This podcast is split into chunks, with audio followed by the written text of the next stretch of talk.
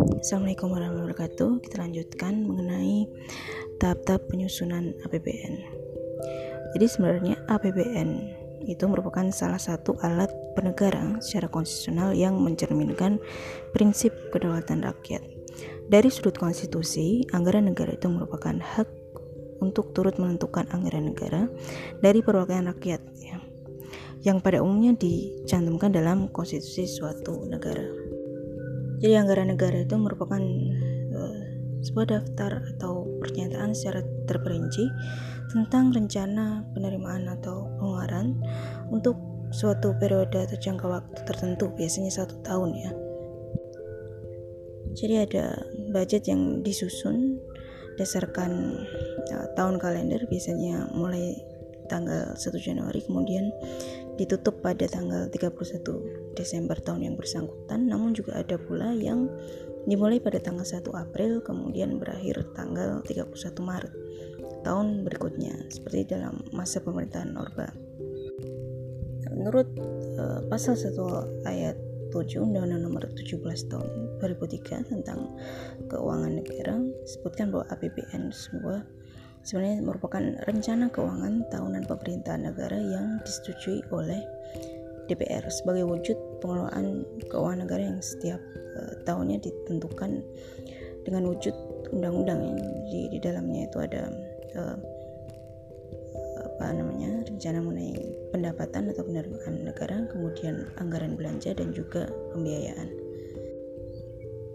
Nah kita berlanjut kepada fungsi anggaran negara itu sendiri berdasarkan Undang-Undang Nomor 17 Tahun 2003. Di sini ada enam fungsi, di mana yang pertama adalah fungsi otorisasi yang mengandung pengertian bahwa anggaran negara ini sebagai dasar dalam melakukan pendapatan maupun belanja di tahun yang bersangkutan. Sehingga pembelanjaan atau pendapatan tersebut lainnya atau pertanggungjawabannya tetap kembali kepada rakyat. Yang kedua adalah fungsi perencanaan yang mengandung arti bahwa anggaran negara itu sebagai pedoman bagi negara dalam melakukan perencanaan kegiatan pada tahun tersebut. Bila dalam pembelanjaan tersebut yang telah direncanakan sebelumnya, negara dapat uh, melakukan perencanaan-perencanaan terlebih dahulu dalam uh, melakukan penduduk pendukungan terhadap kegiatan belanja tersebut. Misalnya, contohnya dalam proyek pembangunan jalan pemerintah dapat mempersiapkan uh, proyek tersebut dalam bentuk perencanaan terlebih dahulu dalam APBN. Kemudian fungsi yang ketiga adalah fungsi pengawasan.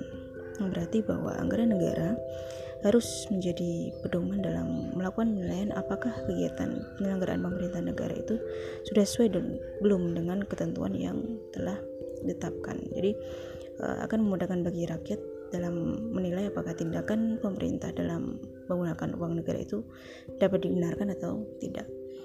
Kemudian yang keempat adalah fungsi uh, alokasi, bahwa anggaran negara harus diarahkan dalam melakukan uh, pengurangan pengangguran dan uh, pengurasan sumber daya serta juga dapat uh, meningkatkan efisiensi dan efektivitas perekonomian.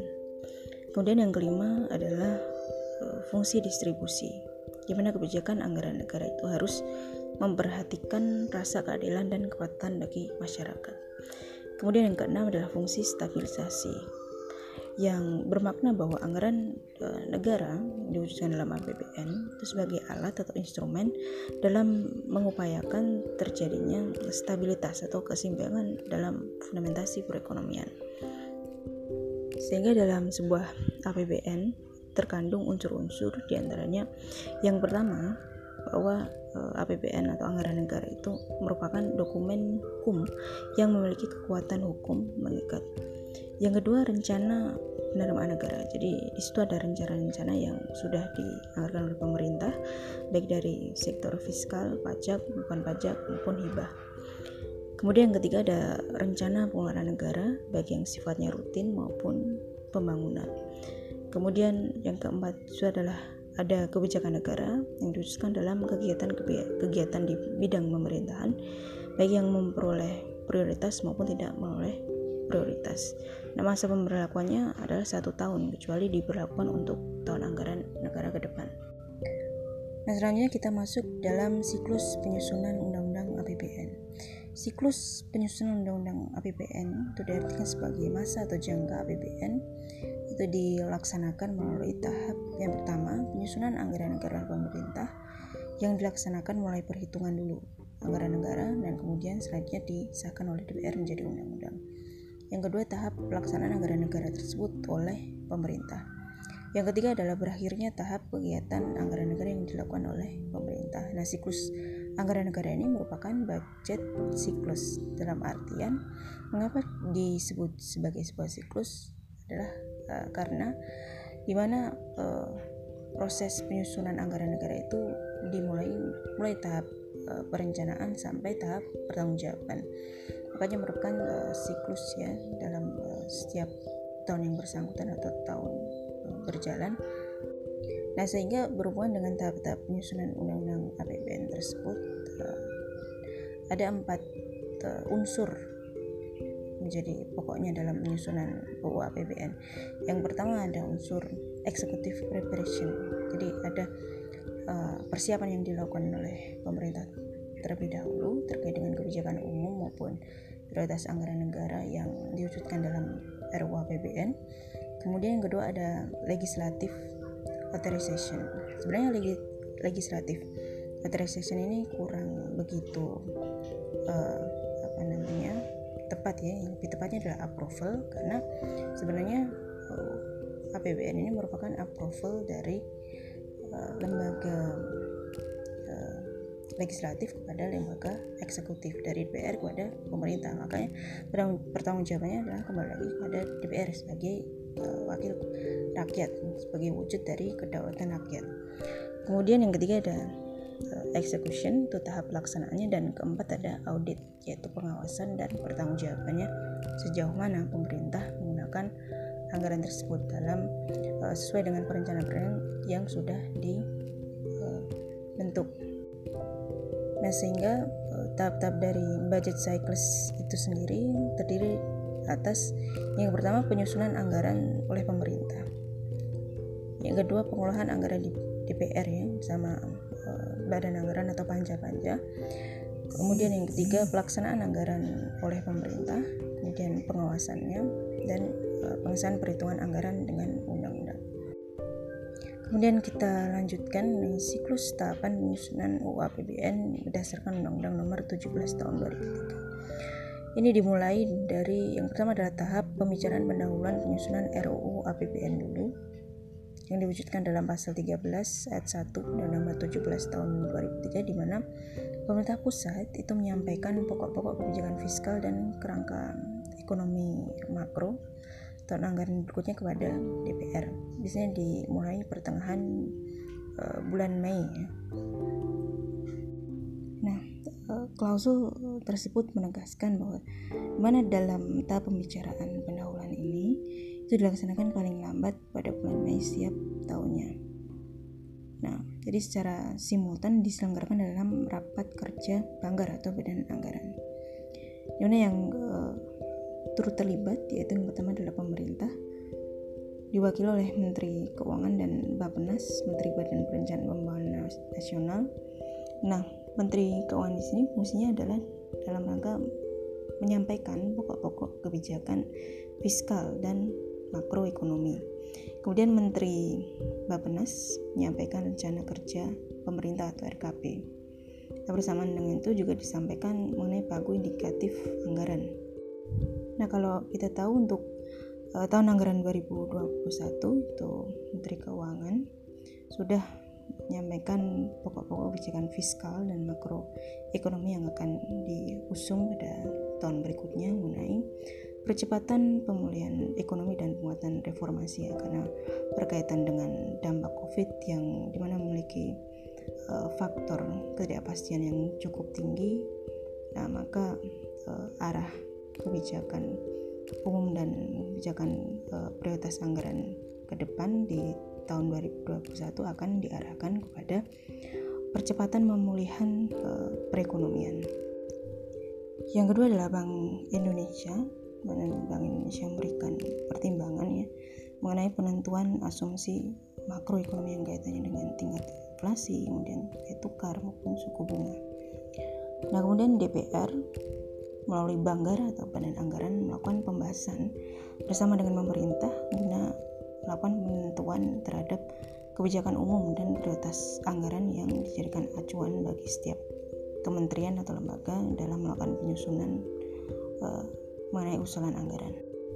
Nah, kemudian uh, masuk dalam tahap pembahasan RUU APBN berdasarkan uh, pasal 15 ya kalian bisa cek pasal 15 ayat 1 Undang-Undang Nomor 17 tahun 2003 tentang keuangan negara di situ disebutkan bahwa pemerintah pusat itu diharuskan mengajukan RUU tentang APBN bersama dengan nota keuangan dan juga dokumen pendukungnya untuk diserahkan kepada DPR. Ini pemerintah yang diwakili oleh Menteri Keuangan yang mengajukan RUU tentang APBN beserta nota keuangannya tanggal 16 Agustus. Nah, pengajuannya disampaikan melalui pidato kenegaraan oleh Presiden ya, sebagai pidato pengantar RUU APBN tahun anggaran yang uh, dianggarkan berikutnya, serta nota keuangannya dalam rapat paripurna DPR. Nah, dalam rapat paripurna selanjutnya, itu fraksi-fraksi di DPR menyampaikan pandangannya atau pendapatnya. Dan pemerintah wajib uh, menanggapi tentang pandangan umum dari fraksi-fraksi tersebut atas RUU tentang APBN. Nah, Banggar setelah pemerintah menyerahkan RAPBN dan nota keuangan kepada DPR, kemudian melakukan pembahasan bersama dengan pemerintah. Seperti tahap uh, yang sebelumnya, tahapan pembicaraan pendahuluan, maka pada tahap ini Komisi 7 dan uh, 11 melakukan pembahasan mengenai asumsi makro yang sudah disampaikan oleh pemerintah. Kemudian Banggar membentuk panja-panja yang melakukan pembahasan secara lebih terperinci. Hasil panja tersebut kemudian dibahas dan disahkan dalam rapat kerja Badan Anggaran dan Pemerintahan, di mana komisi ini fungsinya dalam menyampaikan hasil pembahasan mengenai usul penyempurnaan RAPBN dan juga saling melakukan sinkronisasi dengan Badan Anggaran itu pada tahap uh, pembahasan tentang RUU APBN. Kemudian tahap selanjutnya adalah tahapan laporan realisasi semester 1 dan prognosis semester 2. Realisasi pelaksanaan APBN itu diwujudkan dalam enam bulan uh, pertama itu yang perlu dilaporkan kepada DPR mengenai uh, perkiraan atau prognosis enam bulan berikutnya. Jadi yang disampaikan adalah mengenai uh, yang sudah direalisasikan dulu dalam satu semester dan juga prognosis artinya perkiraan dalam enam bulan berikutnya.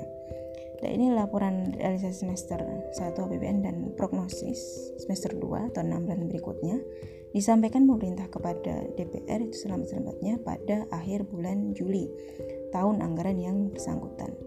Tahapan ini itu merupakan penyampaian laporan realisasi pelaksanaan anggaran selama 6 bulan pertama dan juga bukan merupakan dasar dari dirubahnya APBN. Nah, setelah disampaikan laporan realisasi semester 1 dan prognosis semester 2, kemudian Banggar melakukan pembahasan mengenai uh, laporan tersebut bersama pemerintah. Jadi dibahas lagi yang uh, oleh pemerintah dengan Banggar. Dan kemudian tahap pembahasan UAPN perubahan. Ya, pada prinsipnya itu kalau pembahasan RUU perubahan APBN itu hampir sama dengan pembahasan APBN induk ya. Hanya tidak e, melalui tahapan pandangan umum yang disampaikan oleh fraksi-fraksi. Nah, hasil pembahasan mengenai APBNP ini atau perubahan ini kemudian disahkan dalam rapat paripurna menjadi undang-undang. Nah, dalam hal apa APBN kemudian dapat mengalami perubahan? Itu dapat terjadi oleh hal-hal sebagai berikut. Misalnya dalam e, hal yang pertama terkait dengan perkembangan ekonomi makro yang tidak sesuai dengan asumsi yang digunakan dalam APBN. Jadi tidak sesuai dengan perkembangan ekonomi yang terjadi dalam e, tahun berikutnya tersebut. Kemudian yang kedua tentang perubahan pokok-pokok kebijakan fiskal. Kemudian keadaan yang e, dapat menyebabkan harus dilaksanakannya pergeseran anggaran antar unit, kemudian organisasi, antar kegiatan maupun keadaan yang menyebabkan uh, saldo anggaran untuk lebih untuk tahun sebelumnya. harus digunakan untuk pembiayaan anggaran yang pada tahun berjalan. Yang terakhir adalah tahapan pertanggungjawaban atas pelaksanaan UU APBN ini selambat-lambatnya dilaksanakan dalam jangka waktu enam bulan setelah tahun anggaran berakhir, di mana pemerintahan dapat melakukan pertanggungjawaban penggunaan anggarannya. Jadi wajib dilakukan pertanggungjawaban itu dalam bentuk laporan pertanggungjawaban pelaksanaan APBN, di mana pemerintah itu wajib menyampaikan RUU pertanggungjawaban atas pelaksanaan APBN tahun anggaran sebelumnya yang kemudian dibahas e, bersama dengan panitia anggaran. Nah DPR di sini yang dilaksanakan oleh Badan Anggaran itu melakukan pembahasan bersama dengan pemerintah mengenai LKPP yaitu laporan keuangan pemerintah pusat yang sudah melewati audit oleh BPK atau Badan Pemeriksa Keuangan. Nah, menurut Tatip DPR, itu komisi menyampaikan hasil pembahasan mengenai laporan keuangan negara dan pelaksanaan APBN yang eh, termasuk tindak lanjut hasil BPK tadi. Hasil yang eh, dilakukan kemudian disahkan dalam rapat pleno Badan Anggaran. Berdasarkan eh, siklus tahapan penyusunan Undang-Undang APBN yang dimulai dari perencanaan RUU APBN kemudian pengesahan menjadi undang-undang APBN sampai pelaksanaan APBN itu dapat disimpulkan bahwa oh, tahapannya itu dimulai dari tahap perencanaan RUU APBN dulu. Berlangsung sejak tanggal misalnya kita ambil tanggal 1 Maret 2000 uh, berapa ya misalnya tahun eh, 2017 misalnya sampai tanggal 16 Agustus tahun 2017. Nah, kemudian RUU APBN disampaikan oleh Presiden pada pidato kenegaraan yaitu setiap tahun setiap uh, tanggal 16 Agustus pada tahun berjalan. Nah, kemudian setelah RUU APBN itu disampaikan oleh Kementerian Keuangan, kemudian melakukan rapat-rapat pembahasan bersama DPR. Nah, pembahasan RUU RAPBN dan pengesahan menjadi Undang-Undang APBN oleh DPR dilakukan pada tahun berikutnya. Jadi uh, pada pada tanggal uh, 17 Agustus tahun kalau kita contohkan tadi tahun 2017 sampai dengan 31 Desember tahun 2017. Nah, pelaksanaannya baru dilaksanakan mulai uh, tahun berikutnya pelaksanaan undang-undang uh, eh, APBN oleh pemerintah kalau kita ambil contoh tahun 2017 tadi kemudian dilaksanakan sejak tanggal 1 Januari 2018 hingga 31 Desember 2018. Nah, untuk pertanggungjawaban pelaksanaan Undang-Undang APBN pada DPR oleh pemerintah, nah ini dilaporkan pada tahun yang berikutnya lagi. Jadi pada uh, tanggal 1 Januari 2000 uh, 2000 berarti tadi 2018 berarti ini uh, dilaporkan pada tanggal 1 Januari 2019 sampai 31 Maret 2019 sehingga berlanjut seperti itu sehingga membentuk sebuah siklus APBN ya. Nah, pada hakikatnya APBN sendiri merupakan suatu akta uh, administratif pemerintahan ya atau undang-undang yang sifatnya administratif sehingga sifat atau karakter undang-undang APBN sebenarnya uh, bukan lebih mengarah kepada regling tapi lebih kepada akte condition atau basicing sehingga karakter undang-undang APBN itu sifatnya lebih konkret final dan berlakunya hanya untuk satu tahun anggaran saja. Baik itu mungkin uh, mengenai tahap-tahap penyusunan uh, APBN terima kasih atas atensinya. Saya akhiri assalamualaikum warahmatullahi wabarakatuh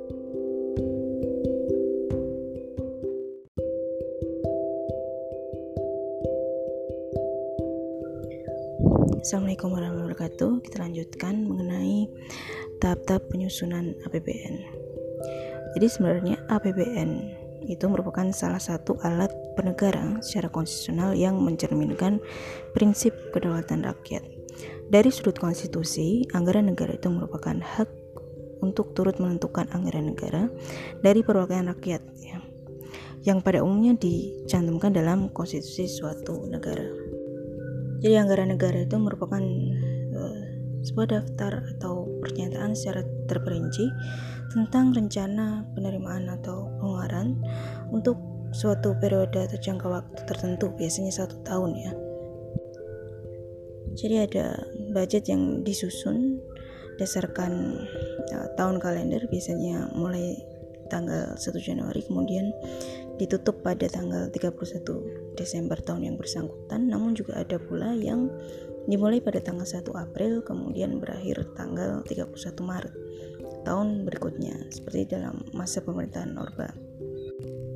Menurut uh, pasal 1 ayat 7 Undang-Undang Nomor 17 Tahun 2003 tentang Keuangan Negara sebutkan bahwa APBN sebuah sebenarnya merupakan rencana keuangan tahunan pemerintahan negara yang disetujui oleh DPR sebagai wujud pengelolaan keuangan negara yang setiap uh, tahunnya ditentukan dengan wujud undang-undang yang di, di dalamnya. Itu ada uh, apa namanya rencana mengenai pendapatan atau penerimaan negara kemudian anggaran belanja dan juga pembiayaan.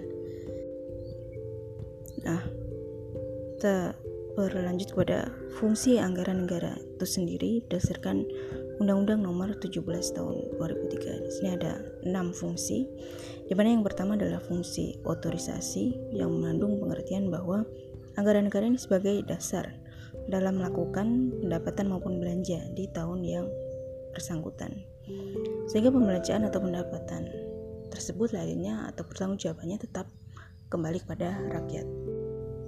Yang kedua adalah fungsi perencanaan yang mengandung arti bahwa anggaran negara itu sebagai pedoman bagi negara dalam melakukan perencanaan kegiatan pada tahun tersebut. Bila dalam pembelanjaan tersebut yang telah direncanakan sebelumnya, negara dapat uh, melakukan perencanaan-perencanaan terlebih dahulu dalam uh, melakukan penduduk pendukungan terhadap kegiatan belanja tersebut. Misalnya, contohnya dalam proyek pembangunan jalan pemerintah dapat mempersiapkan uh, proyek tersebut dalam bentuk perencanaan terlebih dahulu dalam APBN. Kemudian fungsi yang ketiga adalah fungsi pengawasan.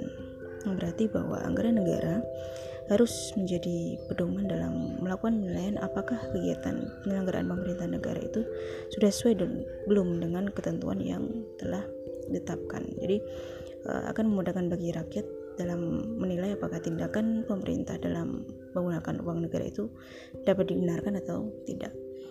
Kemudian yang keempat adalah fungsi uh, alokasi, bahwa anggaran negara harus diarahkan dalam melakukan uh, pengurangan pengangguran dan uh, pengurasan sumber daya serta juga dapat uh, meningkatkan efisiensi dan efektivitas perekonomian.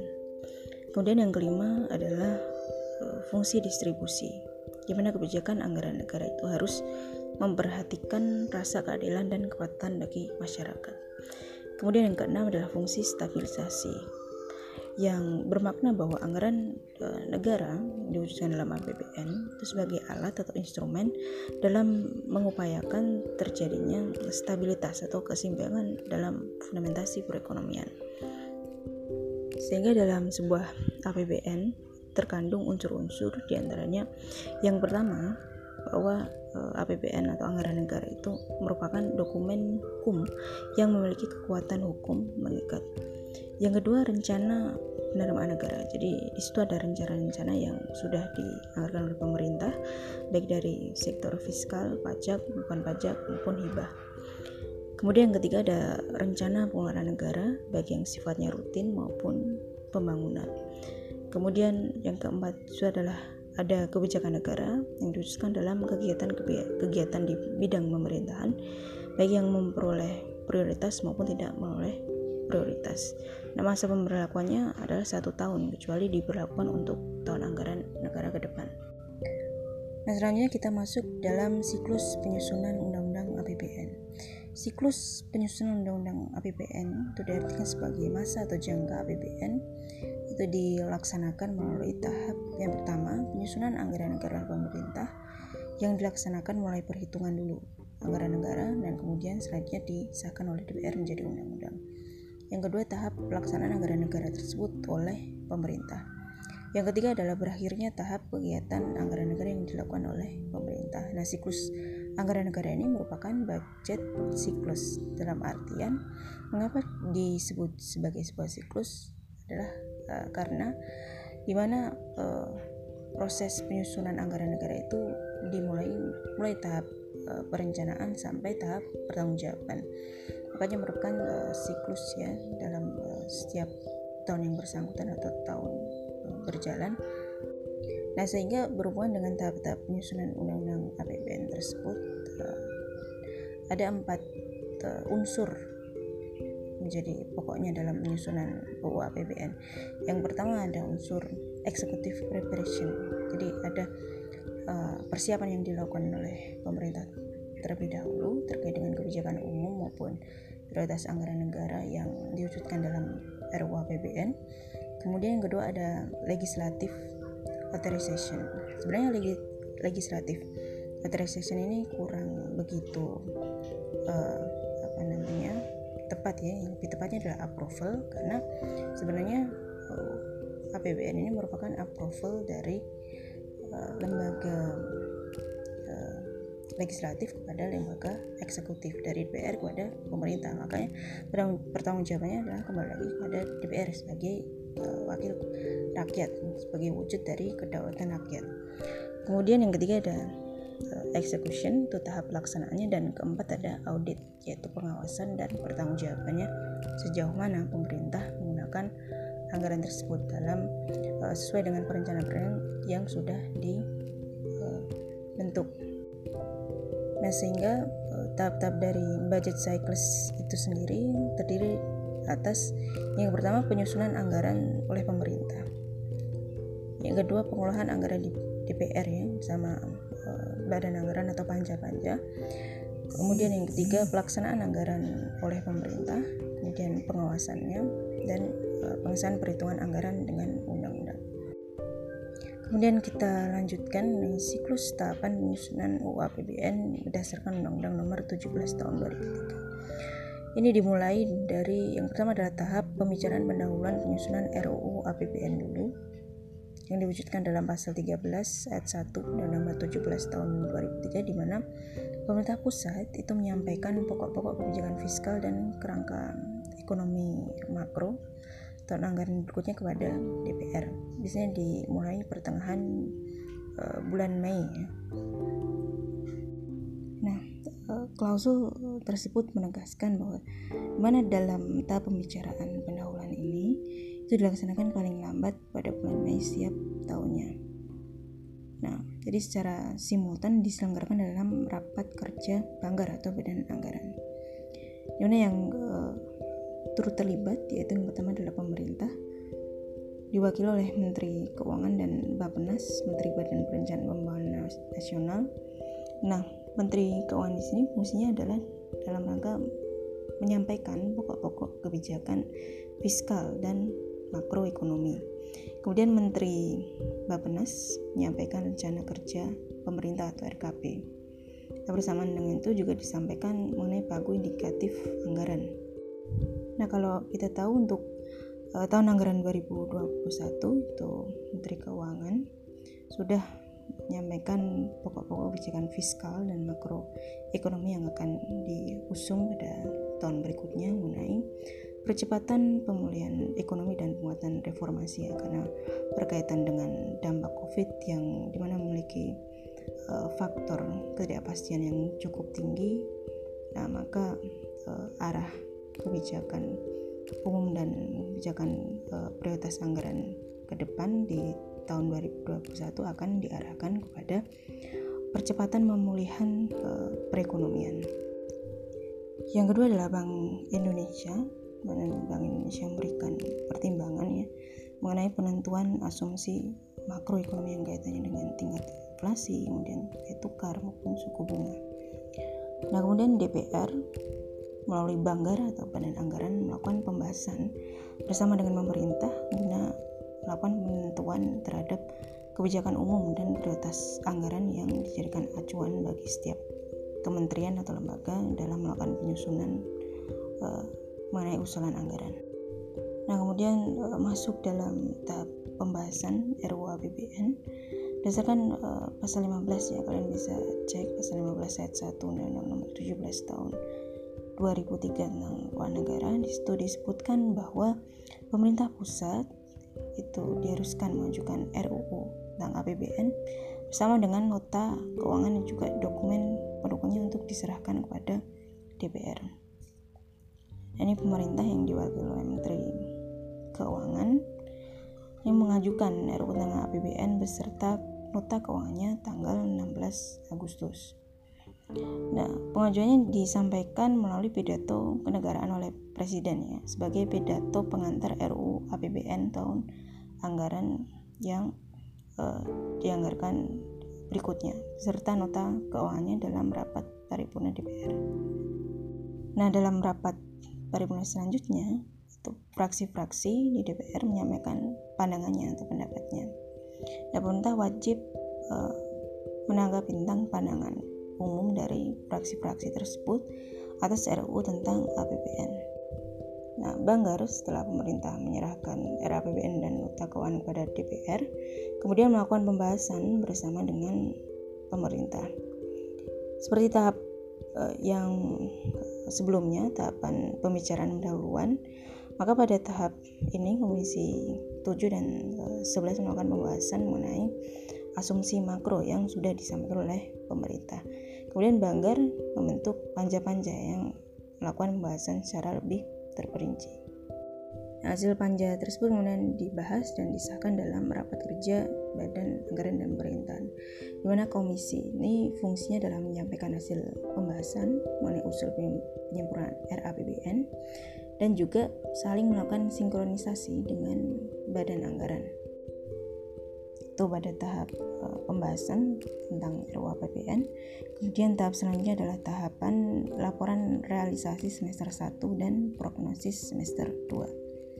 Realisasi pelaksanaan APBN itu diwujudkan dalam enam bulan uh, pertama itu yang perlu dilaporkan kepada DPR mengenai uh, perkiraan atau prognosis enam bulan berikutnya.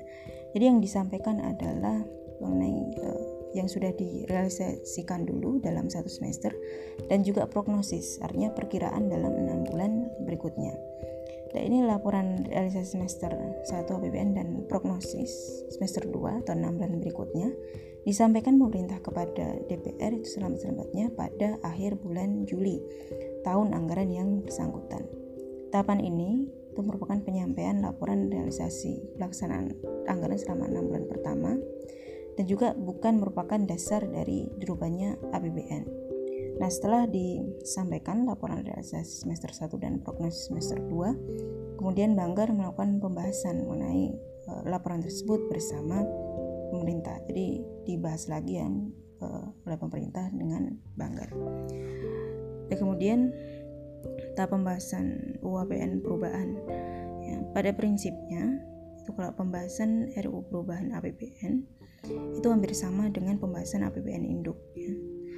Hanya tidak e, melalui tahapan pandangan umum yang disampaikan oleh fraksi-fraksi nah, hasil pembahasan mengenai APBN P ini atau perubahan ini kemudian disahkan dalam rapat paripurna menjadi undang-undang Nah, dalam hal apa APBN kemudian dapat mengalami perubahan? Itu dapat terjadi oleh hal-hal sebagai berikut. Misalnya dalam e, hal yang pertama terkait dengan perkembangan ekonomi makro yang tidak sesuai dengan asumsi yang digunakan dalam APBN. Jadi tidak sesuai dengan perkembangan ekonomi yang terjadi dalam e, tahun berikutnya tersebut. Kemudian yang kedua tentang perubahan pokok-pokok kebijakan fiskal. Kemudian keadaan yang e, dapat menyebabkan harus dilaksanakannya pergeseran anggaran antar unit, kemudian organisasi, antar kegiatan maupun keadaan yang menyebabkan eh, saldo anggaran untuk lebih untuk tahun sebelumnya harus digunakan untuk pembiayaan anggaran yang pada tahun berjalan. Yang terakhir adalah tahapan pertanggungjawaban atas pelaksanaan UU APBN ini selambat-lambatnya dilaksanakan dalam jangka waktu 6 bulan setelah tahun anggaran berakhir, di mana pemerintahan dapat melakukan pertanggungjawaban penggunaan anggaran ya. Jadi wajib dilakukan pertanggungjawaban itu dalam bentuk laporan pertanggungjawaban pelaksanaan APBN. Di mana pemerintah itu wajib menyampaikan RUU pertanggungjawaban atas pelaksanaan APBN tahun anggaran sebelumnya yang kemudian dibahas e, bersama dengan panitia anggaran. Nah, DPR di sini yang dilaksanakan oleh Badan Anggaran itu itu melakukan pembahasan bersama dengan pemerintah mengenai LKPP yaitu laporan keuangan pemerintah pusat yang sudah melewati audit oleh BPK atau Badan Pemeriksa Keuangan. Nah, menurut Tatip DPR, itu komisi menyampaikan hasil pembahasan mengenai laporan keuangan negara dan pelaksanaan APBN yang uh, termasuk tindak lanjut hasil BPK tadi. Hasil yang uh, dilakukan kemudian disahkan dalam rapat pleno Badan Anggaran. Berdasarkan uh, siklus tahapan penyusunan Undang-Undang APBN yang dimulai dari perencanaan RUU APBN kemudian pengesahan menjadi undang-undang APBN sampai pelaksanaan APBN itu dapat disimpulkan bahwa oh, tahapannya itu dimulai dari tahap perencanaan RUU APBN dulu. Berlangsung sejak tanggal misalnya kita ambil tanggal 1 Maret 2000 uh, berapa ya misalnya tahun uh, eh, 2017 misalnya sampai tanggal 16 Agustus tahun 2017. Nah, kemudian RUU APBN disampaikan oleh Presiden pada pidato kenegaraan yaitu setiap tahun setiap uh, tanggal 16 Agustus pada tahun berjalan. Nah, kemudian setelah RUU APBN itu disampaikan oleh Kementerian Keuangan, kemudian melakukan rapat-rapat pembahasan bersama DPR. Nah, pembahasan RUU RAPBN dan pengesahan menjadi Undang-Undang APBN oleh DPR dilakukan pada tahun berikutnya. Jadi uh, pada pada tanggal uh, 17 Agustus tahun kalau kita contohkan tadi tahun 2017 sampai dengan 31 Desember tahun 2017. Nah, pelaksanaannya baru dilaksanakan mulai uh, tahun berikutnya pelaksanaan undang-undang uh, eh, APBN oleh pemerintah kalau kita ambil contoh tahun 2017 tadi kemudian dilaksanakan sejak tanggal 1 Januari 2018 hingga 31 Desember 2018. Nah, untuk pertanggungjawaban pelaksanaan Undang-Undang APBN pada DPR oleh pemerintah, nah ini dilaporkan pada tahun yang berikutnya lagi. Jadi pada uh, tanggal 1 Januari 2000 uh, 2000 berarti tadi 2018 berarti ini uh, dilaporkan pada tanggal 1 Januari 2019 sampai 31 Maret 2019 sehingga berlanjut seperti itu sehingga membentuk sebuah siklus APBN Nah, pada hakikatnya APBN sendiri merupakan suatu akta uh, administratif pemerintahan ya atau undang-undang yang sifatnya administratif. Sehingga sifat atau karakter undang-undang APBN sebenarnya uh, bukan lebih mengarah kepada regling tapi lebih kepada akte condition atau basicing sehingga karakter undang-undang APBN itu sifatnya lebih konkret final dan berlakunya hanya untuk satu tahun anggaran saja. Baik itu mungkin uh, mengenai tahap-tahap penyusunan uh, eh, APBN terima kasih atas atensinya. Saya akhiri assalamualaikum warahmatullahi wabarakatuh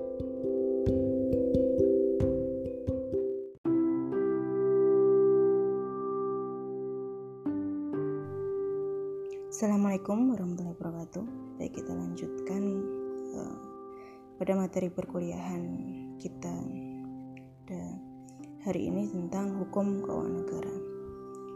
Ya, sebagaimana yang kita tahu bahwa uh, pasca dilakukannya amandemen Undang-Undang Dasar 1945 itu sebenarnya menghasilkan uh, rearrangement ya atau remanagement yaitu penataan ulang sistem pemerintahan negara yang ini turut berpengaruh terhadap uh, rezim hukum keuangan negara.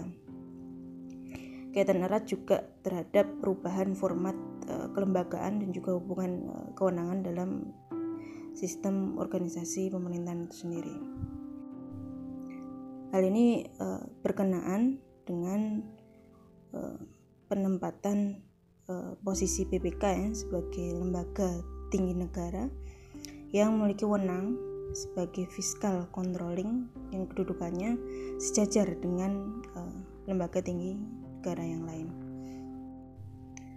Nah, uh, perubahan uh, format kelembagaan tinggi negara tersebut dipengaruhi oleh pengaturan secara konstitusional terhadap lembaga-lembaga tinggi negara tersebut. Di antaranya pasal-pasal dalam konstitusi yang kaitannya dengan pengaturan secara konstitusional terhadap keuangan negara itu dijelaskan uh, dalam pasal-pasal itu pasal di antaranya pasal 23 kemudian 23A sampai G ya. Nah sebenarnya undang-undang uh, keuangan negara ini telah melakukan pengaturan secara jelas berkaitan dengan hubungan kewenangan dalam pengelolaan keuangan negara di mana presiden ini posisinya adalah sebagai chief of executive yang memiliki kedudukan sebagai pemegang kekuasaan pengelolaan keuangan negara di mana kekuasaan yang dimiliki oleh presiden tersebut kemudian dibantu oleh Menteri Keuangan sebagai CFO atau Chief Financial Officer, kemudian uh, Menteri atau pimpinan lembaga sebagai COO atau Chief Operational Officer, dan juga Bank Sentral. Dalam hal penetapan misalnya dan pelaksanaan kebijakan moneter, kemudian uh, berkaitan juga dengan fungsinya dalam melakukan uh, pengaturan terhadap kelancaran sistem pembayaran.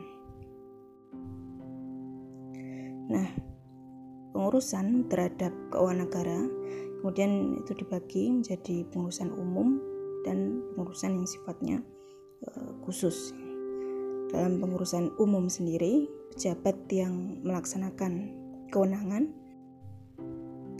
dalam uh, pengurusan anggaran negara itu diklasifikasikan menjadi dua macam ya. Yang pertama adalah otorisator. Otorisator itu maksudnya adalah pejabat yang uh, berwenang ya dalam uh, mengambil tindakan atau keputusan yang dapat menyebabkan uang negara itu keluar sehingga menjadi berkurang atau bertambah disebabkan karena pungutan dari masyarakat. Nah, wewenang dalam melakukan pengambilan uh, keputusan tersebut yang bisa menyebabkan uang negara berkurang atau bertambah itu disebut dengan otorisasi yang dapat diklasifikasikan menjadi dua macam. Yang pertama adalah otorisasi umum, otorisasi yang berupa keputusan atau tindakan yang uh, diwujudkan dalam uh, peraturan yang sifatnya umum, misalnya peraturan uh, pensiun, kemudian undang-undang pajak dan sebagainya. Yang kedua adalah otorisasi yang uh, bentuknya berupa surat keputusan yang sifatnya mengikat orang atau pihak tertentu sebagai contoh surat keputusan pegawai negeri atau otorisasi terhadap eh, proyek tertentu yang yang dijalankan oleh pemerintah. Itu tentang uh, otorisator. Yang kedua adalah ordonator. Ordonator di sini merupakan pejabat yang memiliki fungsi untuk melaksanakan pengawasan terhadap otorisator agar otorisator tersebut bisa uh, melakukan tindakan atau keputusannya selalu demi uh, kepentingan umum ya. Jadi tugas utama di sini ordonator itu adalah melakukan pengujian dan penelitian terhadap penerimaan maupun pengeluaran uang negara. Jadi ordonator ini kemudian dibedakan. Yang pertama ada ordonator pengeluaran negara. Pejabat yang ditunjuk sebagai ordonator ini adalah tidak lain adalah Menteri keuangan. Kemudian sebagai pelaksanaannya adalah dijalankan oleh Direktorat Jenderal Anggaran. Nah, untuk daerah sendiri dilaksanakan oleh Kantor Perbendaraan Negara. Jadi eh, apa sih sebenarnya tugas dari ordinator pengelolaan negara ini? Di antaranya adalah yang pertama adalah melakukan penelitian dan pengujian terhadap eh, bukti-bukti penagihan misalnya apakah kwitansi atau e, berita acara serah terima barang maupun kontrak perjanjian yang dilakukan itu sudah e, sesuai atau belum dengan peraturan yang e, berlaku. Yang kedua adalah melakukan pembukuan terhadap pos-pos anggaran yang tepat ya. sesuai dengan tujuan di mana uang negara tersebut dikeluarkan dalam rangka untuk apa. Yang ketiga juga yang merupakan tugas dari ordonator pengelola negara adalah memerintahkan untuk melakukan pembayaran uh, uang ya yang diwujudkan dengan jalan uh, menerbitkan surat surat pemerintah membayar uang atau SPMU. Yang kedua adalah ordinator uh, penerimaan negara. Nah, ini sebagai pelaksana itu adalah semua menteri yang menguasai pendapatan negara di mana fungsi utamanya adalah melakukan pengawasan apakah penerimaan negara tersebut sudah bersesuaian belum dengan peraturan yang diberlakukan. Nah, selain itu, eh, Menteri sebagai eh, pelaksana dari ordinator penerimaan negara juga mengeluarkan surat keputusan yang mengakibatkan penerimaan bagi negara. Nah, jadi atas dasar surat eh, keputusan ini kemudian diterbitkan SPM ya atau surat perintah menagih. Nah, sebelum kita melanjutkan pada pembahasan mengenai uh, kedudukan Menteri Keuangan dan Menteri Teknis itu seperti apa dalam uh, pengelolaan keuangan negara. Nah, kemarin kita sudah sempat uh, membahas ya mengenai asas-asas dalam pengelolaan keuangan negara yang meliputi asas tahunan, kemudian asas universalitas, asas kesatuan dan e, spesialitas di mana pengelolaan keuangan negara yang memanfaatkan asas-asas tersebut itu diatur di dalam Undang-Undang Nomor 17 tahun 2003 tentang keuangan negara dan Undang-Undang Nomor 1 tahun 2004 tentang perbendaharaan negara yang dilakukan atas dasar prinsip-prinsip yang pertama adalah prinsip anggaran berbasis kinerja atau prestasi kerja. Yang kedua adalah kerangka pengeluaran jangka menengah atau medium term expenditure framework. Yang ketiga adalah keterkaitan antara sistem penganggaran dengan sistem uh, perencanaan. Nah, hal tersebut dilakukan dalam rangka mewujudkan sistem pengelolaan keuangan negara yang uh, berbasiskan asas-asas tadi ya, asas-asas pengelolaan keuangan yang baik atau good financial uh, governance. Sehingga diharapkan mampu uh, merealisasikan prinsip-prinsip uh, pengelolaan keuangan negara tersebut melalui sistem penganggaran basis kinerja tadi yang dilakukan uh, berdasarkan prinsip kehati-hatian dan kecermatan. Nah, kemudian kita bahas satu persatu mengenai uh, bagaimana sih kedudukan Menteri Keuangan dan Menteri Teknis ya dalam pengelolaan keuangan negara. Nah, jadi dalam uh, sistem keuangan negara yang didasarkan atas paradigma anggaran berbasis uh, kinerja tadi atau performance budgeting itu sebenarnya dilakukan pembagian antara kewenangan pengurusan administratif dan pengurusan e, perbendaharaan. Nah, di sini Menteri Teknis itu menjalankan kewenangan yang sifatnya administratif ya dalam sistem pengelolaan keuangan negara yang diberikan e, kewenangan dalam hal di antaranya adalah pembuatan e, komitmen kemudian pengujian kemudian pembebanan maupun perintah uh, pembayaran. Sehingga dalam uh, paradigma pengelolaan keuangan negara modern itu menteri teknis berkedudukan sebagai COO atau Chief Organizational Officer untuk kementerian yang dipimpinnya. Sedangkan menteri keuangan itu menjalankan fungsinya yang berkaitan dengan perbendaraan dalam pengelolaan keuangan negara yang kewenangannya dalam hal melaksanakan pengujian maupun pencairan dana. Di sini kedudukan Menteri Keuangan atau Menkeu itu sebagai CFO-nya pemerintah RI atau Chief Financial Officer.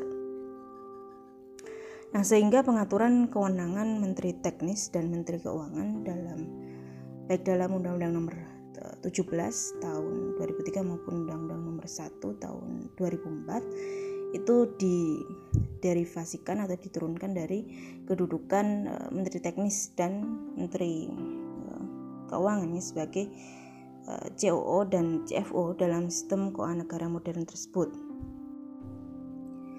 Nah, kembali lagi tadi seperti yang sudah saya jelaskan, dalam konsep hukum keuangan negara, kedudukan Menteri Teknis itu include atau sebagai otorisatornya yaitu pejabat yang berwenang untuk e, mengambil tindakan atau keputusan yang e, menyebabkan uang negara itu keluar masuk sehingga menjadi berkurang atau bertambah karena pungutan dari masyarakat. Sedangkan Menteri Keuangan itu ber, uh, berfungsi sebagai ordinatornya ya, yaitu sebagai pejabat yang berwenang dalam melakukan pengawasan terhadap otorisator sehingga otorisator dalam melakukan tindakan itu sesuai dengan uh, peraturan perundangan yang diberlakukan dan sesuai dengan uh, kepentingan umum. Nah, itu adalah uh, kedudukan Menteri Keuangan dan Menteri Teknis dalam pengelolaan keuangan negara. Sekarang kita masuk kepada kewenangan Menteri Keuangan dalam hal melakukan pengesahan terhadap dokumen pelaksanaan anggaran. Nah, kewenangan Menteri Keuangan dalam hal pengesahan dokumen pelaksanaan anggaran itu sudah diatur yaitu dalam pasal 8 uh, huruf C Undang-Undang Nomor 17 tahun 2003 yang merupakan bagian yang uh, tidak terpisahkan dari uh, rangkaian kewenangan yang dimiliki oleh Menteri Keuangan mulai dari uh, kewenangan dalam melakukan Eh, penyusunan kebijakan fiskal maupun kerangka ekonomi makro sampai uh, dalam kewenangan dalam hal uh, melakukan penyusunan laporan keuangan yang merupakan pertanggungjawaban uh, pelaksanaan APBN. Demikian pula kewenangan Menteri Keuangan dalam pengesahan dokumen pelaksanaan anggaran yang diatur di dalam pasal 7 uh, ayat 2 huruf B Undang-Undang Nomor 1 Tahun 2004 yang juga merupakan bagian yang tidak terpisahkan dari rangkaian kewenangan, uh, yang dimiliki oleh Menteri Keuangan sebagai bendara umum negara mulai dari kewenangannya dalam hal melakukan penetapan terhadap kebijakan uh, pedoman dan pelaksanaan anggaran negara sampai pada kewenangannya dalam melakukan penunjukan terhadap pejabat kuasa bendahara umum negara. Nah, kewenangan Menteri Keuangan tersebut itu sebenarnya merupakan penjabaran dari kedudukan Menko tadi sebagai uh, eh, CFO dan ordinator dalam sistem keuangan negara. Nah, kalau kita lihat uh, kewenangan Menko uh, itu bukan hanya sifatnya komplementer ya dalam sistem penganggaran tapi juga sifatnya substansial sekali dalam kewenangannya melakukan pengujian terhadap dokumen uh, pelaksanaan anggaran.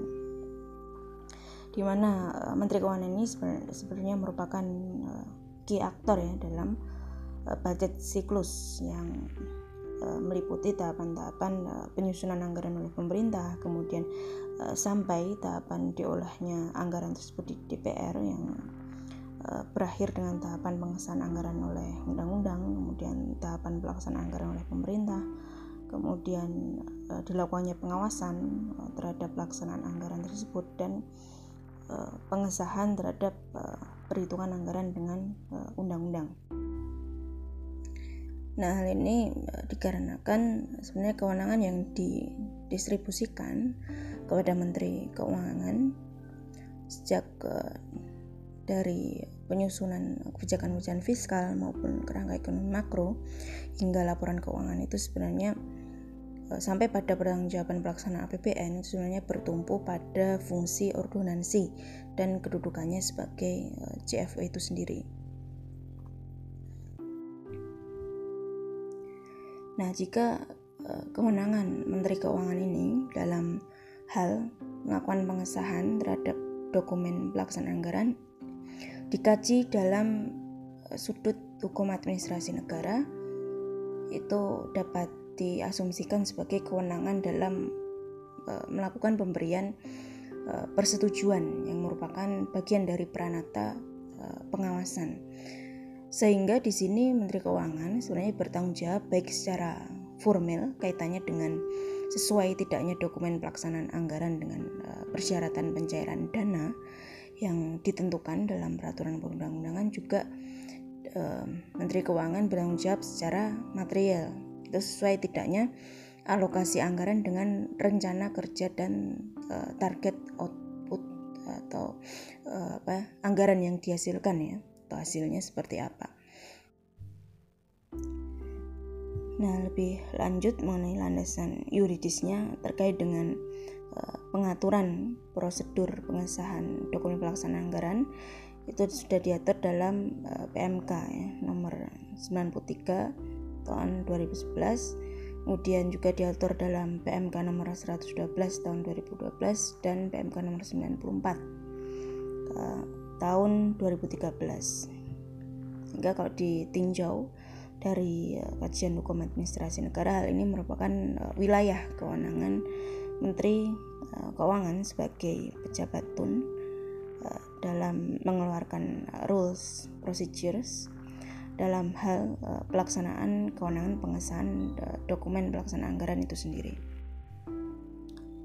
Nah, uh, kalau kita kaji lebih lanjut ya dalam segi hukum administrasi negaranya itu Han itu sebenarnya dibagi menjadi dua ya. Yang pertama adalah Han heteronom itu substansinya adalah dalam hal berkaitan dengan peraturan perundang-undangan yang Eh, melakukan pengaturan terhadap kewenangan pejabat tun dan juga ada yang dinamakan Han otonom itu merupakan produk hukum yang dicipta, diciptakan oleh pejabat e, tata usaha negara.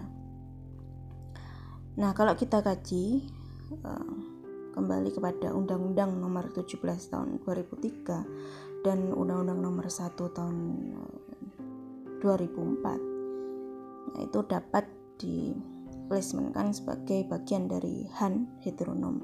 Sedangkan mengenai PMK-nya tadi itu dapat di placementkan sebagai Han uh, otonomnya.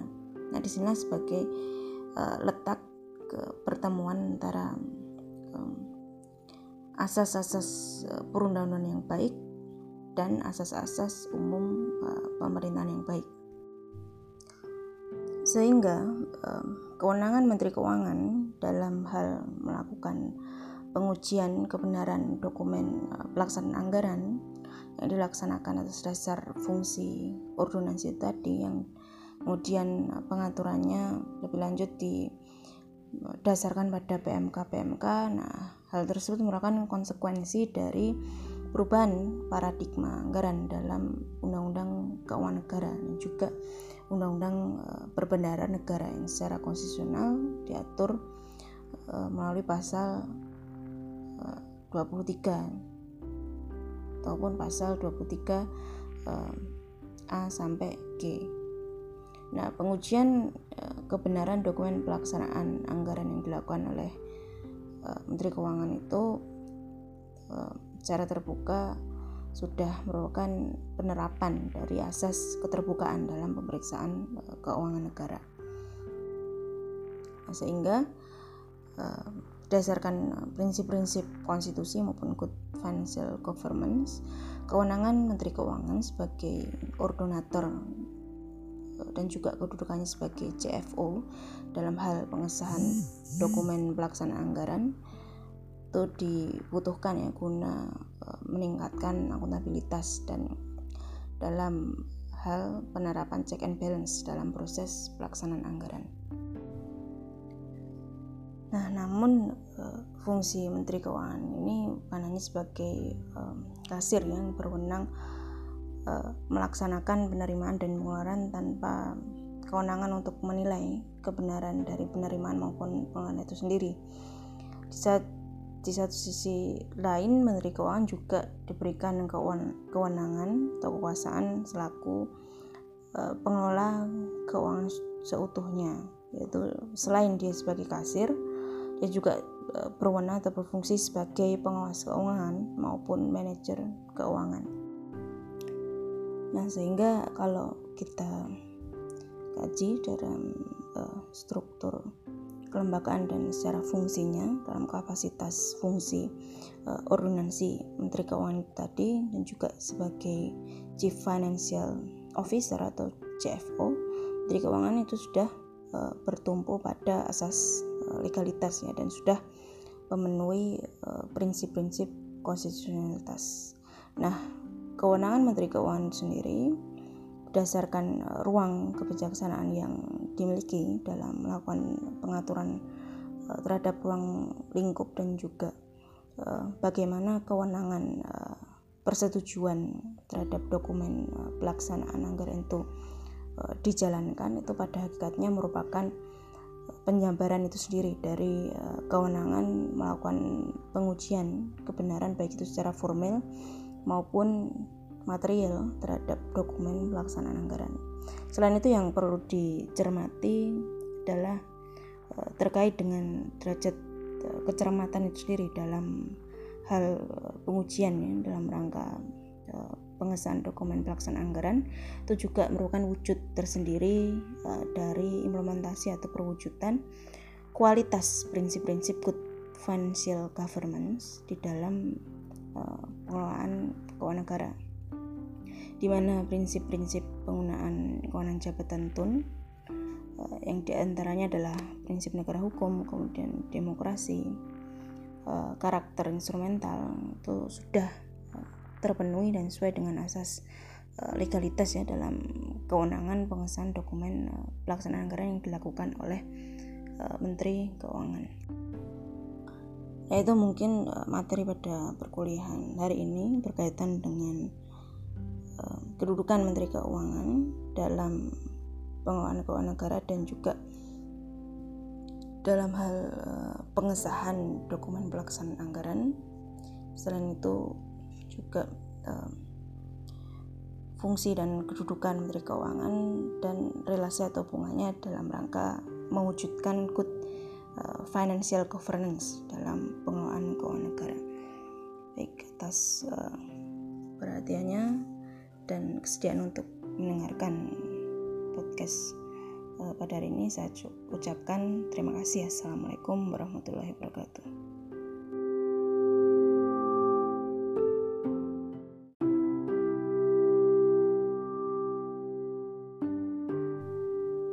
Assalamualaikum warahmatullahi wabarakatuh. Baik kita lanjutkan uh, pada materi perkuliahan kita pada hari ini tentang hukum keuangan negara. Ya, sebagaimana yang kita tahu bahwa uh, pasca dilakukannya amandemen Undang-Undang Dasar 1945 itu sebenarnya menghasilkan uh, rearrangement ya atau remanagement yaitu penataan ulang sistem pemerintahan negara yang ini turut berpengaruh terhadap uh, rezim hukum keuangan negara.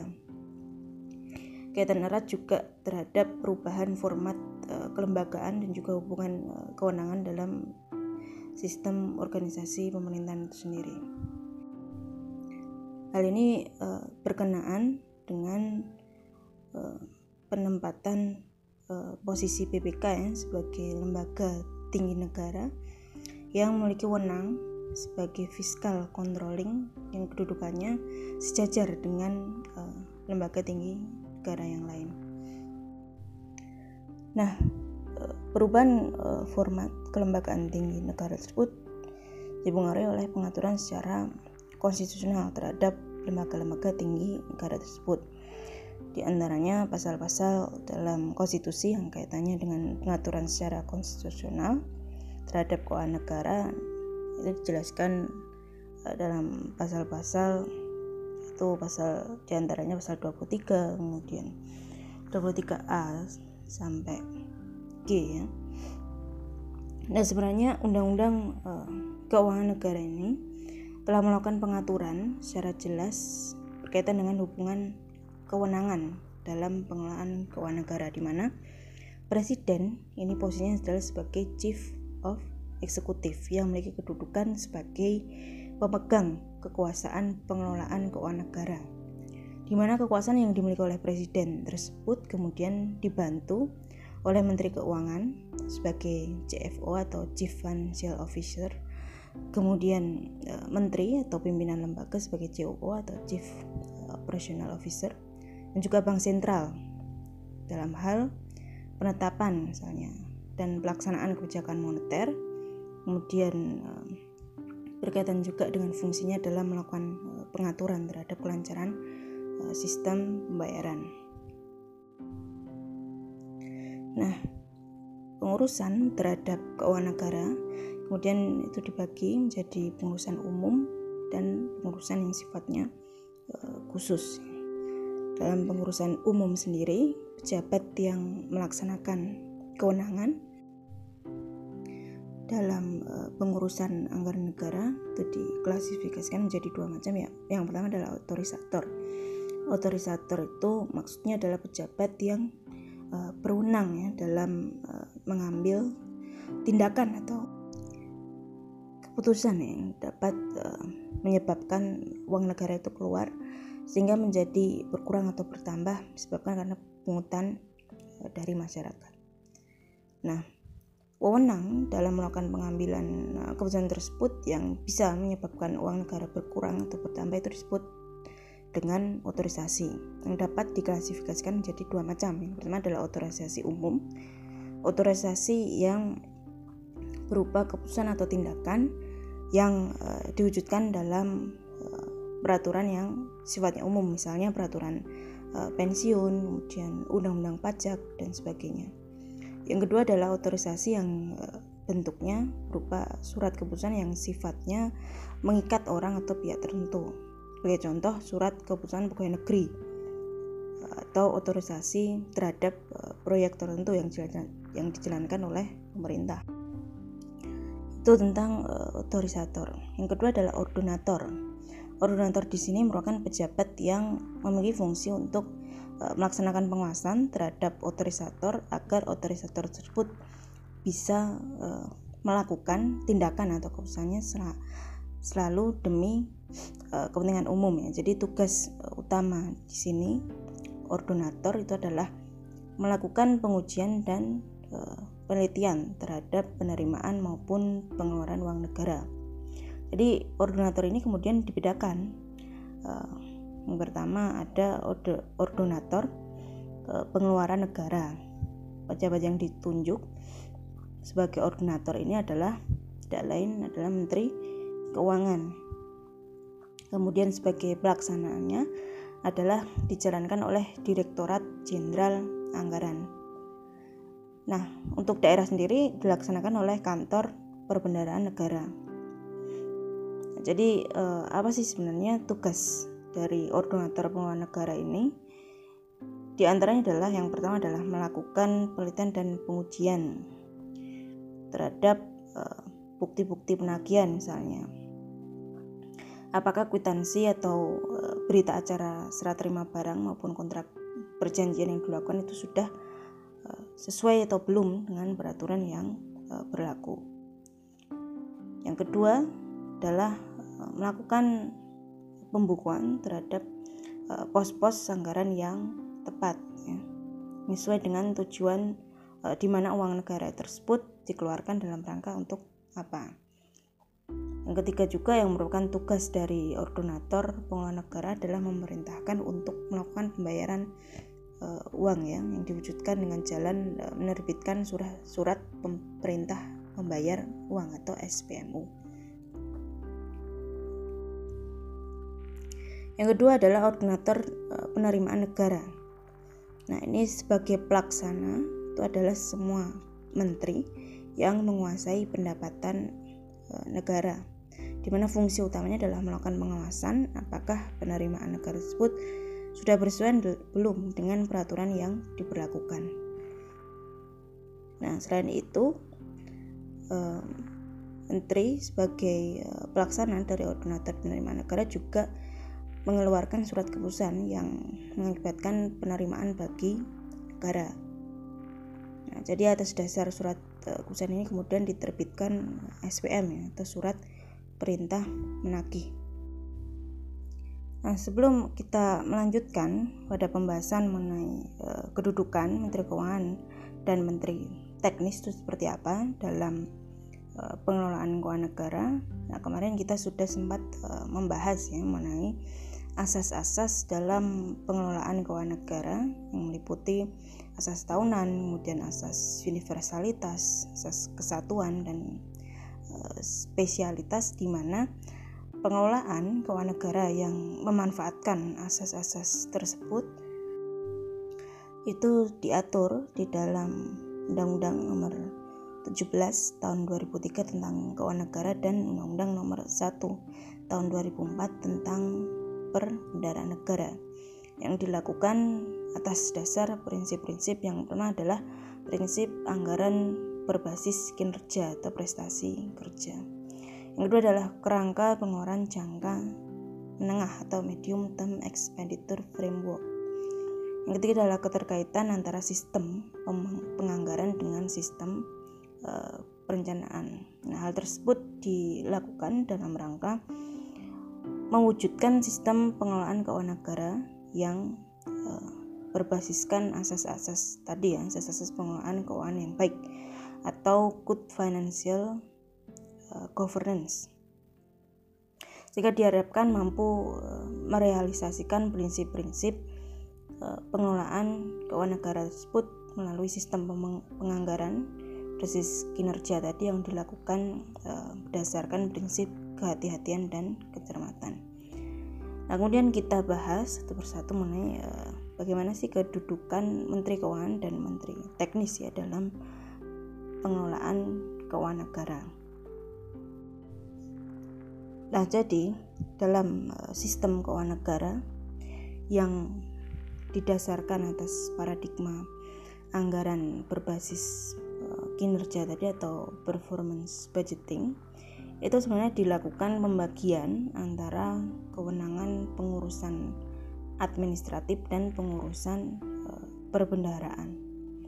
Nah, di sini Menteri Teknis itu menjalankan kewenangan yang sifatnya administratif ya dalam sistem pengelolaan keuangan negara yang diberikan e, kewenangan dalam hal di antaranya adalah pembuatan uh, komitmen, kemudian pengujian, kemudian pembebanan maupun perintah uh, pembayaran. Sehingga dalam uh, paradigma pengelolaan keuangan negara modern itu menteri teknis berkedudukan sebagai COO atau Chief Organizational Officer untuk kementerian yang dipimpinnya. Sedangkan menteri keuangan itu menjalankan fungsinya yang berkaitan dengan perbendaraan dalam pengelolaan keuangan negara yang kewenangannya dalam hal melaksanakan pengujian maupun pencairan dana. Di sini kedudukan Menteri Keuangan atau Menkeu itu sebagai CFO-nya pemerintah RI atau Chief Financial Officer. Nah, sehingga pengaturan kewenangan Menteri Teknis dan Menteri Keuangan dalam baik dalam Undang-Undang Nomor 17 eh, tahun 2003 maupun Undang-Undang Nomor 1 tahun 2004 itu diderivasikan atau diturunkan dari kedudukan uh, Menteri Teknis dan Menteri Keuangan sebagai uh, COO dan CFO dalam sistem keuangan negara modern tersebut. Nah, kembali lagi tadi seperti yang sudah saya jelaskan dalam konsep hukum keuangan negara, kedudukan menteri teknis itu include atau sebagai otorisatornya, yaitu pejabat yang berwenang untuk uh, mengambil tindakan atau keputusan yang uh, menyebabkan uang negara itu keluar masuk sehingga menjadi berkurang atau bertambah karena pungutan dari masyarakat. Sedangkan Menteri Keuangan itu ber, uh, berfungsi sebagai ordinatornya ya yaitu sebagai pejabat yang berwenang dalam melakukan pengawasan terhadap otorisator sehingga otorisator dalam melakukan tindakan itu sesuai dengan uh, peraturan perundangan yang diberlakukan dan sesuai dengan uh, kepentingan umum. Nah, itu adalah uh, kedudukan Menteri Keuangan dan Menteri Teknis dalam pengelolaan keuangan negara sekarang kita masuk pada kewenangan Menteri Keuangan dalam hal melakukan pengesahan terhadap dokumen pelaksanaan anggaran. Nah, kewenangan Menteri Keuangan dalam hal pengesahan dokumen pelaksanaan anggaran itu sudah diatur yaitu dalam pasal 8 e, huruf C Undang-Undang Nomor 17 tahun 2003 yang merupakan bagian yang uh, tidak terpisahkan dari uh, rangkaian kewenangan yang dimiliki oleh Menteri Keuangan mulai dari uh, kewenangan dalam melakukan penyusunan kebijakan fiskal maupun uh, kerangka ekonomi makro sampai uh, dalam kewenangan dalam hal uh, melakukan penyusunan laporan keuangan yang merupakan pertanggungjawaban pelaksanaan APBN. Demikian pula kewenangan Menteri Keuangan dalam pengesahan dokumen pelaksanaan anggaran yang diatur di dalam pasal 7 uh, ayat 2 huruf B Undang-Undang Nomor 1 Tahun 2004 yang juga merupakan bagian yang uh, tidak terpisahkan dari rangkaian kewenangan uh, yang dimiliki oleh Menteri Keuangan sebagai bendara umum negara. Mulai dari kewenangannya dalam hal melakukan penetapan terhadap kebijakan uh, pedoman dan pelaksanaan anggaran negara sampai pada kewenangannya dalam uh, melakukan penunjukan terhadap pejabat kuasa bendahara umum negara. Nah, kewenangan Menteri Keuangan tersebut itu sebenarnya merupakan penjabaran dari kedudukan Menko tadi sebagai uh, eh, CFO dan ordinator dalam sistem keuangan negara.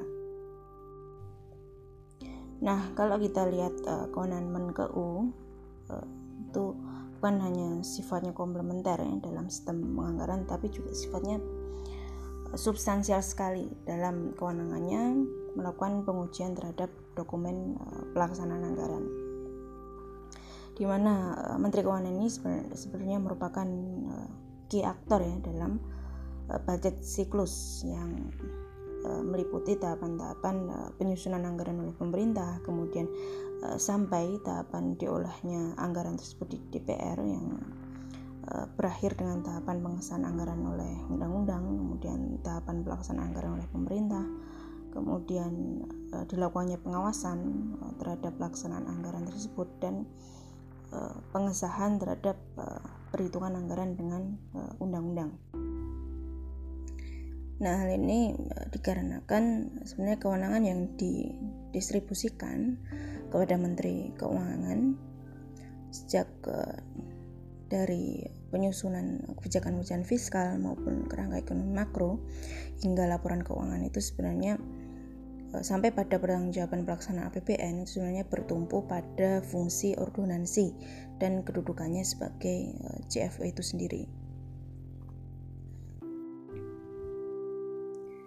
Nah, jika uh, kewenangan Menteri Keuangan ini dalam hal melakukan pengesahan terhadap dokumen pelaksanaan anggaran dikaji dalam uh, sudut hukum administrasi negara itu dapat diasumsikan sebagai kewenangan dalam uh, melakukan pemberian uh, persetujuan yang merupakan bagian dari peranata pengawasan.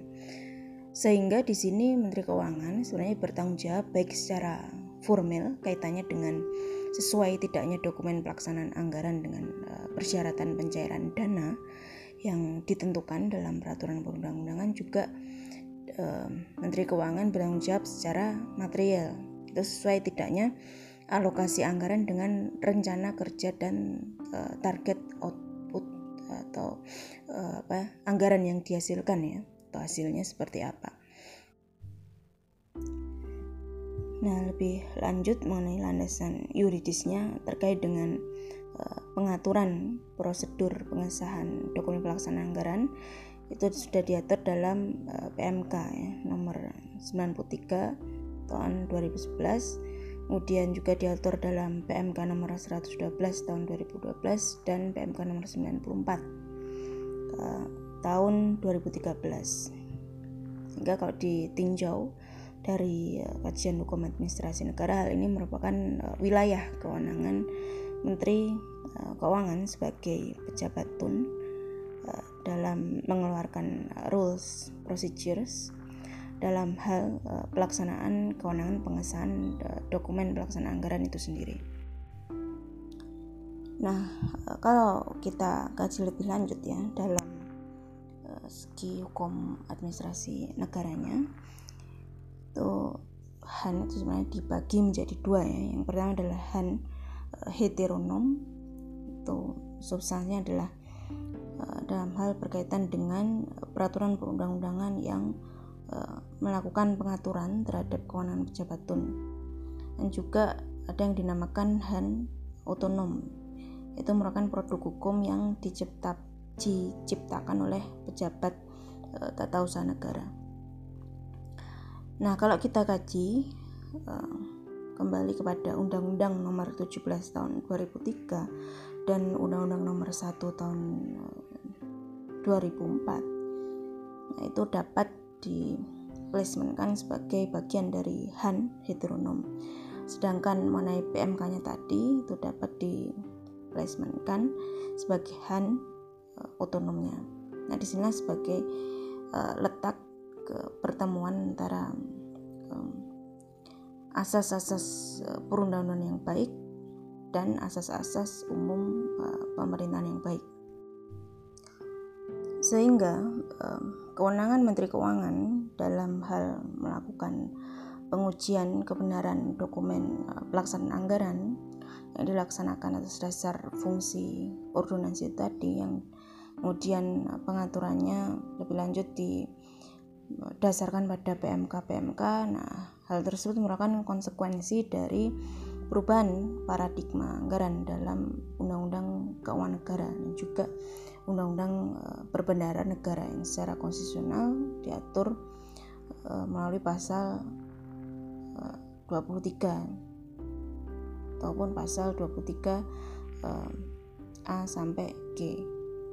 Nah, pengujian kebenaran dokumen pelaksanaan anggaran yang dilakukan oleh Menteri Keuangan itu secara terbuka sudah merupakan penerapan dari asas keterbukaan dalam pemeriksaan uh, keuangan negara.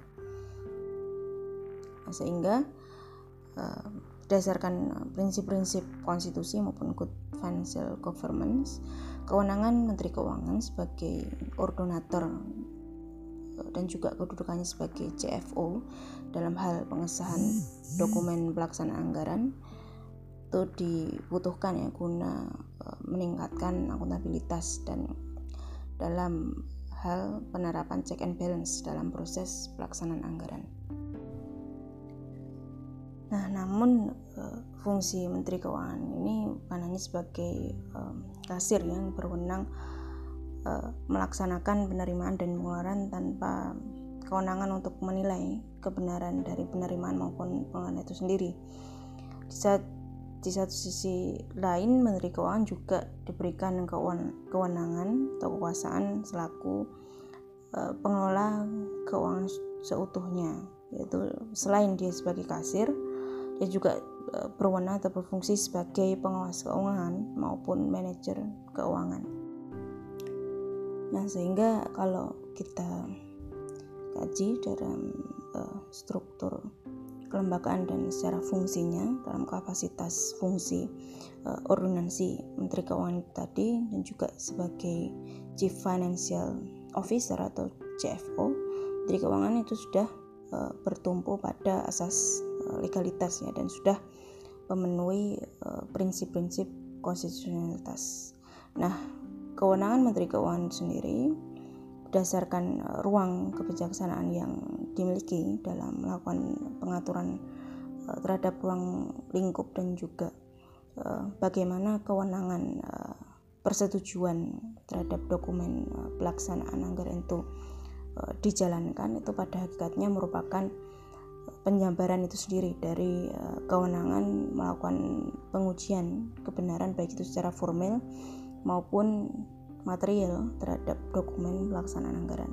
Selain itu yang perlu dicermati adalah uh, terkait dengan derajat uh, kecermatan itu sendiri dalam hal pengujian ya dalam rangka uh, pengesahan dokumen pelaksanaan anggaran itu juga merupakan wujud tersendiri dari implementasi atau perwujudan kualitas prinsip-prinsip good financial governance di dalam pengelolaan keuangan negara di mana prinsip-prinsip penggunaan kewenangan jabatan TUN uh, yang di antaranya adalah prinsip negara hukum, kemudian demokrasi, uh, karakter instrumental itu sudah uh, terpenuhi dan sesuai dengan asas legalitas ya dalam kewenangan pengesahan dokumen pelaksanaan anggaran yang dilakukan oleh Menteri Keuangan. Yaitu mungkin materi pada perkuliahan hari ini berkaitan dengan Eh, kedudukan Menteri Keuangan dalam pengelolaan keuangan negara dan juga dalam hal uh, pengesahan dokumen pelaksanaan anggaran. Selain itu juga uh, fungsi dan kedudukan Menteri Keuangan dan relasi atau hubungannya dalam rangka mewujudkan good financial governance dalam pengelolaan keuangan negara.